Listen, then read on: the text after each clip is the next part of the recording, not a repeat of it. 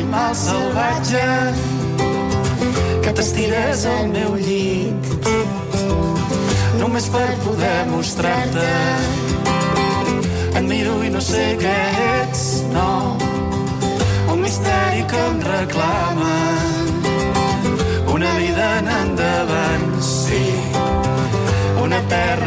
solitària.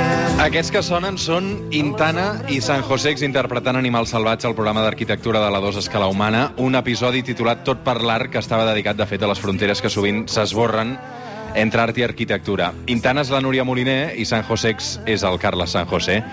Núria Moliner, bon dia. Bon dia, què tal? Carles San José, com anem?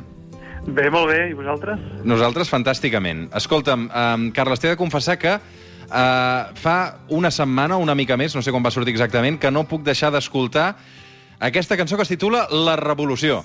Jo faig la revolució des d'un poblet de la plana cuidant de l'educació del bailet de la mare. Jo faig la revolució per internet des de casa cuidant-nos entre veïns, vinguts de fora o de dins. Clar, tot això es va escriure molt abans de, del sideral que tenim ara, però és del tot vigent eh, i suposo que la gent no et cansa de repetir-ho, eh, Carles? Sí, sí, realment eh, la sensació era de premonició, quasi bé, però, però no, realment va ser escrit abans, eh, i més en relació als fets del primer d'octubre i tot el que va haver-hi, que no pas en relació a la situació actual. Eh, però bé, eh, la, també eh, suposo que les intuïcions eh, el camí més o menys, eh, tots més o menys el compartim, encara que ningú es podia esperar que, que un virus com aquest ens afectaria tant, no? I la revolució, en el teu cas, era la paternitat, no? Sí, sí, era una barreja de tot plegat, no? Viure, la, viure la, el primer fill i ara ja el segon, en un moment de gran efervescència política, d'una aposta, de, de, de, diguéssim, catalana, que amb molta intensitat tots la van viure, i clar, la impotència en aquell moment, i el que explico en aquesta cançó, no? la impotència de no poder participar públicament perquè tinc unes obligacions a casa que m'impossibiliten, no? I, i obligacions i, i també una, una, una tasca importantíssima, que és educar, educar el, el teu fill, en aquest cas, eh, no? Eh, per tant, eh, ve, d'aquella època, sí, i la situació era aquella. Mm -hmm. El Carles San José i la Núria Moliner, tots dos són músics i tots dos són arquitectes, i per això avui els hem ajuntat. Perquè um, si el 2007 van viure l'inici de la crisi del totxo, que va afectar molt els arquitectes, en aquesta sembla inevitable pensar que els músics que, que treballeu en sales també en sortireu escaldats. Uh, realment, Núria, um, si m'ho deixes dir així, esteu de pega, no? Sí, ho tenim tot. Ho teniu tot, vosaltres dos. Sí. No, i, i de fet eh, ho estava parlant amb, amb companyes de, del sector que amb prou feines ara començàvem a tenir la sensació que començàvem a sortir-nos-en no? de, de la cua de la crisi del 2018 i també formo part d'una generació que sembla que ens anem trobant una rere l'altra però, però bueno, jo crec que encara situacions com aquestes el que fan és reforçar quines són les prioritats, què és el que necessites realment o no, i jo crec que hi ha una part bona, o almenys necessito extreure una part bona de tot plegat, no? d'aquesta um, oportunitat de parar per pensar i, i baixar una mica, rebaixar les marxes, que a vegades també fa falta. Eh, dieu que, que els arquitectes acostumen a ser caps quadrats i que els músics són més aviat caòtics. Vosaltres aquest puzzle com l'encaixeu, eh, Carles? Bé, suposo que no sóc ni una cosa ni l'altra. Sóc un entremig. suposo, en el meu cas, jo crec que es compleix bastant. Mm. Um, bé, jo crec que la música et dona unes coses i l'arquitectura te'n dona unes altres. Eh, hi, ha, hi ha molts arquitectes que són músics i és, és, és una cosa que hem parlat sovint i, i per alguna raó deu ser, no? també perquè bueno, sol ser gent que ha rebut una educació bona, eh, uns pares que s'han esforçat perquè estudiessin, etc etc. No? Per tant, eh, també hi ha aquesta relació eh, social, però, però a part, doncs, eh, segurament una voluntat artística, etc etc. Però sí, és, és curiosa aquesta conjunció entre les dues disciplines. Mm. Sí, jo crec que de fet estan, estan molt relacionades i en realitat és la mostra de que tenim com aquestes dues parts dintre nostra, no? La part més passional i la part més racional que, que les combines a través de llenguatges diferents i canals diferents, però en el fons l'origen és el mateix, no? Mm.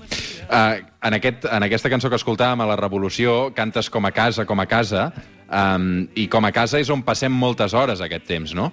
Uh, I d'alguna manera relacionant la música amb l'arquitectura, uh, també ens ha fet repensar els llocs on vivim i què valorem, perquè a vegades, doncs, potser abans d'aquest confinament, uh, a molts que treballàvem moltes hores, doncs enteníem la casa com el lloc on, on, on arribàvem al vespre cansats i dormíem i l'endemà marxàvem.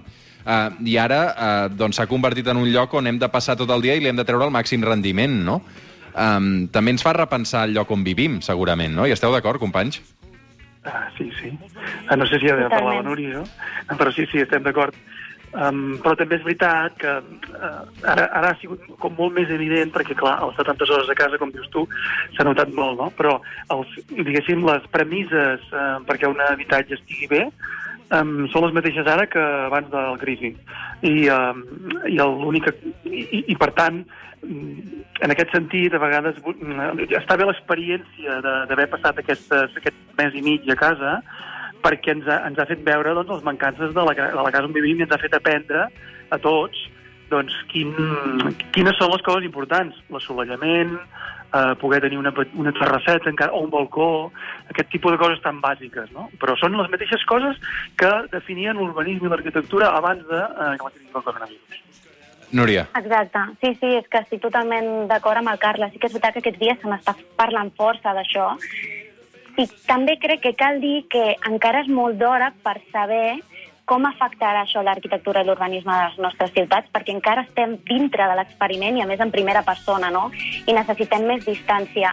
Però sí que crec que, com a mínim, eh, del que sí que està servint és per posar sobre la taula una realitat que ja hi era, com diu el Carles, que és que ha hagut com un detriment en la qualitat de l'habitatge per, perquè al final les promotores immobili immobiliàries el que fan és un negoci i com a tal intenten aconseguir el màxim benefici amb el mínim de despesa i anar arrepany, arrepinyant metres quadrats i habitacions però estem veient que l'habitatge és molt més que metres quadrats i un nombre determinat d'habitacions i que potser encara ara ens veiem més legitimades a reclamar millores com el, les que deia el Carles. No? Jo, jo penso en, en tres drets que ara es, es veuen molt, molt reforçats, que és el dret a, al sol, a la llum natural, el dret a l'aire, a la ventilació i, i el dret també al cel, a les vistes, no? a poder sortir a l'exterior i, i per això té tot el sentit del món que aquests dies estiguem reocupant els balcons o, o els terrats. No?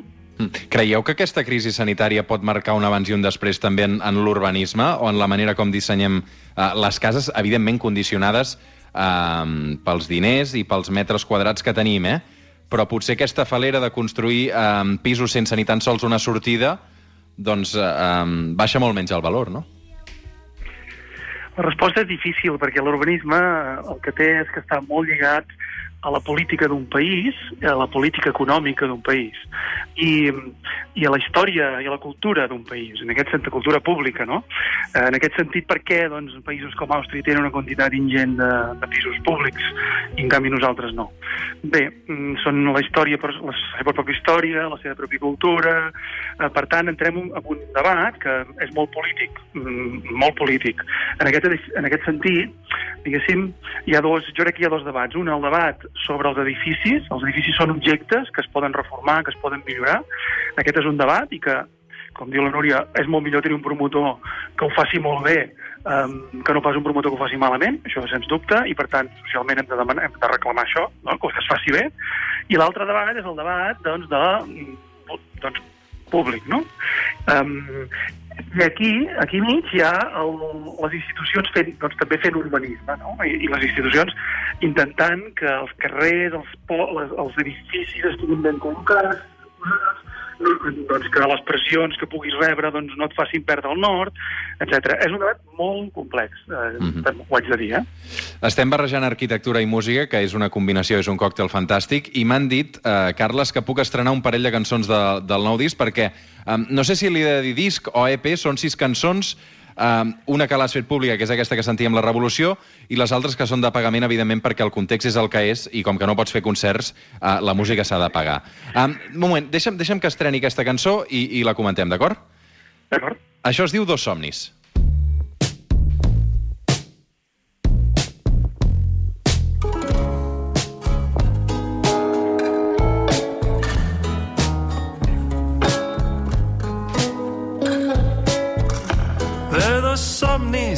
Fet un i encara costa de creure ni una casa a prop del mar ni una vida a les muntanyes de dos somnis un infant que també tindrà els seus somnis els seus somnis els més grans i després els nostres somnis és així. Com passem els dies és petit i els pares s'estimen atordits. Són els primers dies, fan patir, però el món avança així. Ah. Ah. Són sis cançons per trencar sis anys de, de silenci. No? Uh, jo eh, penso que això dels formats, uh, ara dir LP i EP no et sona una cosa molt... molt Estranyíssim, sí, sí, sí, però d'alguna manera m'hi havia de... La novetat de San José, hem de dir, no? T'entenc, t'entenc, però, però és una visió molt... No, jo crec que gent de la nostra generació, per entendre's, per resumir. Segurament la visió de 15, 18 anys ja no és aquesta, perquè els seus artistes ja treuen dos cançons, cinc, una, 25, és, és igual. O sigui, fan el que els hi sembla bé, perquè fins i tot el número de cançons pot acabar sent un criteri artístic. Crec que és la situació que vivim ara, i en aquest sentit, tot i que jo tenia més cançons i també vam, vam gravar més, però realment vaig arribar a la conclusió que les que, les que em sentia còmodes eren aquestes, eh, entre les quals hi ha dos somnis, no? Mm. I, i bueno, aquesta és la reflexió que podia fer al voltant de si és un EP o no és un EP. Molt bé. Um, crec que uh, la Núria Moliner, la Intana, també té, té novetats, uh, i en aquest cas és un nou single que es diu Igual però diferent. Crec que també el podem sentir, és aquest. Abans el mateix dia, ara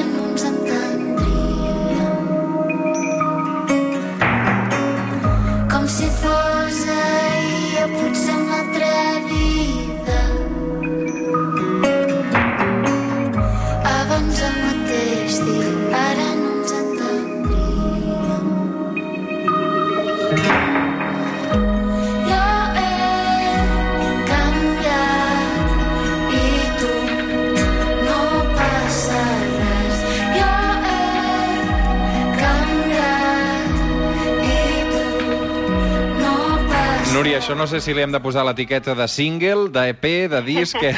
això què és? Single, single. El que Un passa single. que crec que tots estem una mica igual, no? És un single que just vam treure ahir, però a través de, de Bandcamp, de compra digital, i jo crec que els músics ens estem adaptant una mica a aquesta nova situació. Per sobre de tot, enyorem moltíssim els directes, però sentim la necessitat de seguir compartint la nostra música en la manera que puguem, però alhora intentar sobreviure, no? que, que crec que serà un gran repte per nosaltres els propers mesos. I aleshores ara, mira, tenim aquesta il·lusió d'haver tret aquest tema, també hem tret un parell de singles més eh, els últims mesos, i hagués, en realitat hagués estat maco treure de, quan acabés el confinament, no? perquè és, diu una, és una cançó que es diu igual però diferent i que parla una mica d'això, no? de com les coses que, que vivim ens canvien i, i hagués sigut com maco. També tenia alguna de premonició, potser aquesta cançó. Mm -hmm. uh, segurament moltes de les que, coses que llegim, uh, de les coses que mirem, uh, em refereixo a pel·lícules, a sèries aquests dies, o, o cançons, també ens parlen molt sense voler-ho i busquem la interpretació del moment que vivim, no? No sé si us passa a vosaltres, però, però, però a mi també m'hi trobo en aquesta situació. Sí, sí, realment, eh, clar, van, van passant esdeveniments al món, tots els vivim, més sobretot ara amb la globalització, no? Tots els vivim bastant en comú i, per tant, es va com creant un estat d'opinió, unes opinions similars, bueno, diverses, però, però, però també que, que segueixen un corrent, no?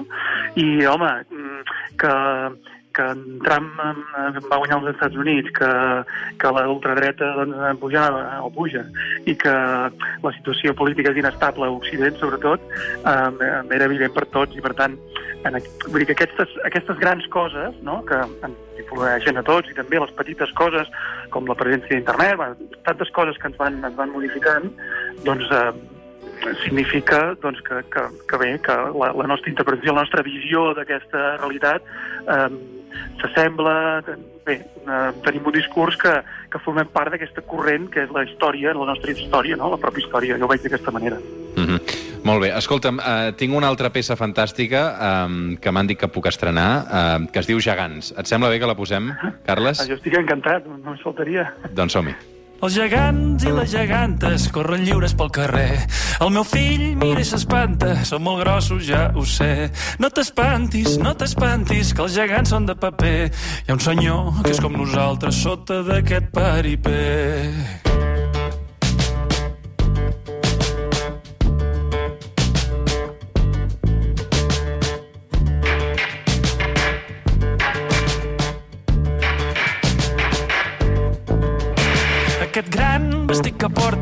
Buit d'aire tot per dins. No té ànima ni força, no té vida ni destins. Fet de llaunes i de fustes, fet de plàstics i cargols. Si li trobes els punts febles, es desmuntarà tot sol.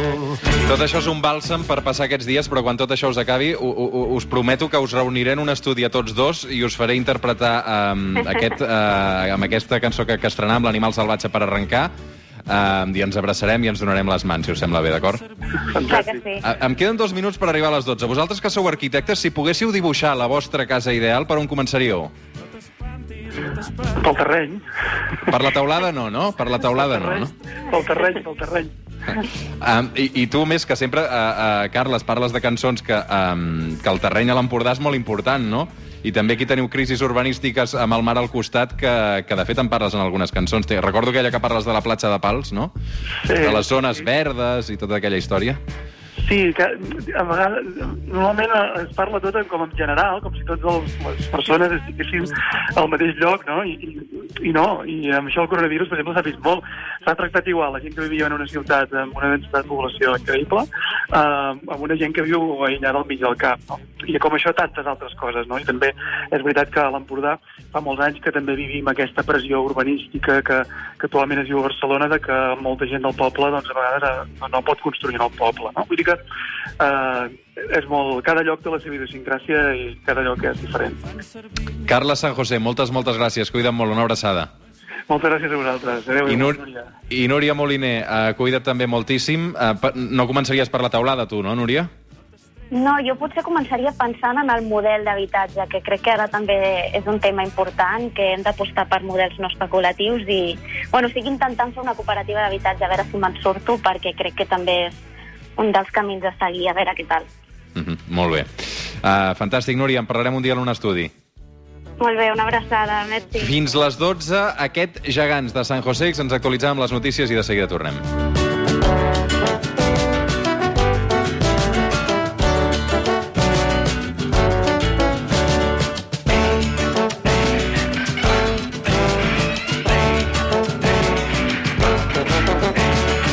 El suplement amb Roger Escapa. Ràdio amb esperit de cap de setmana.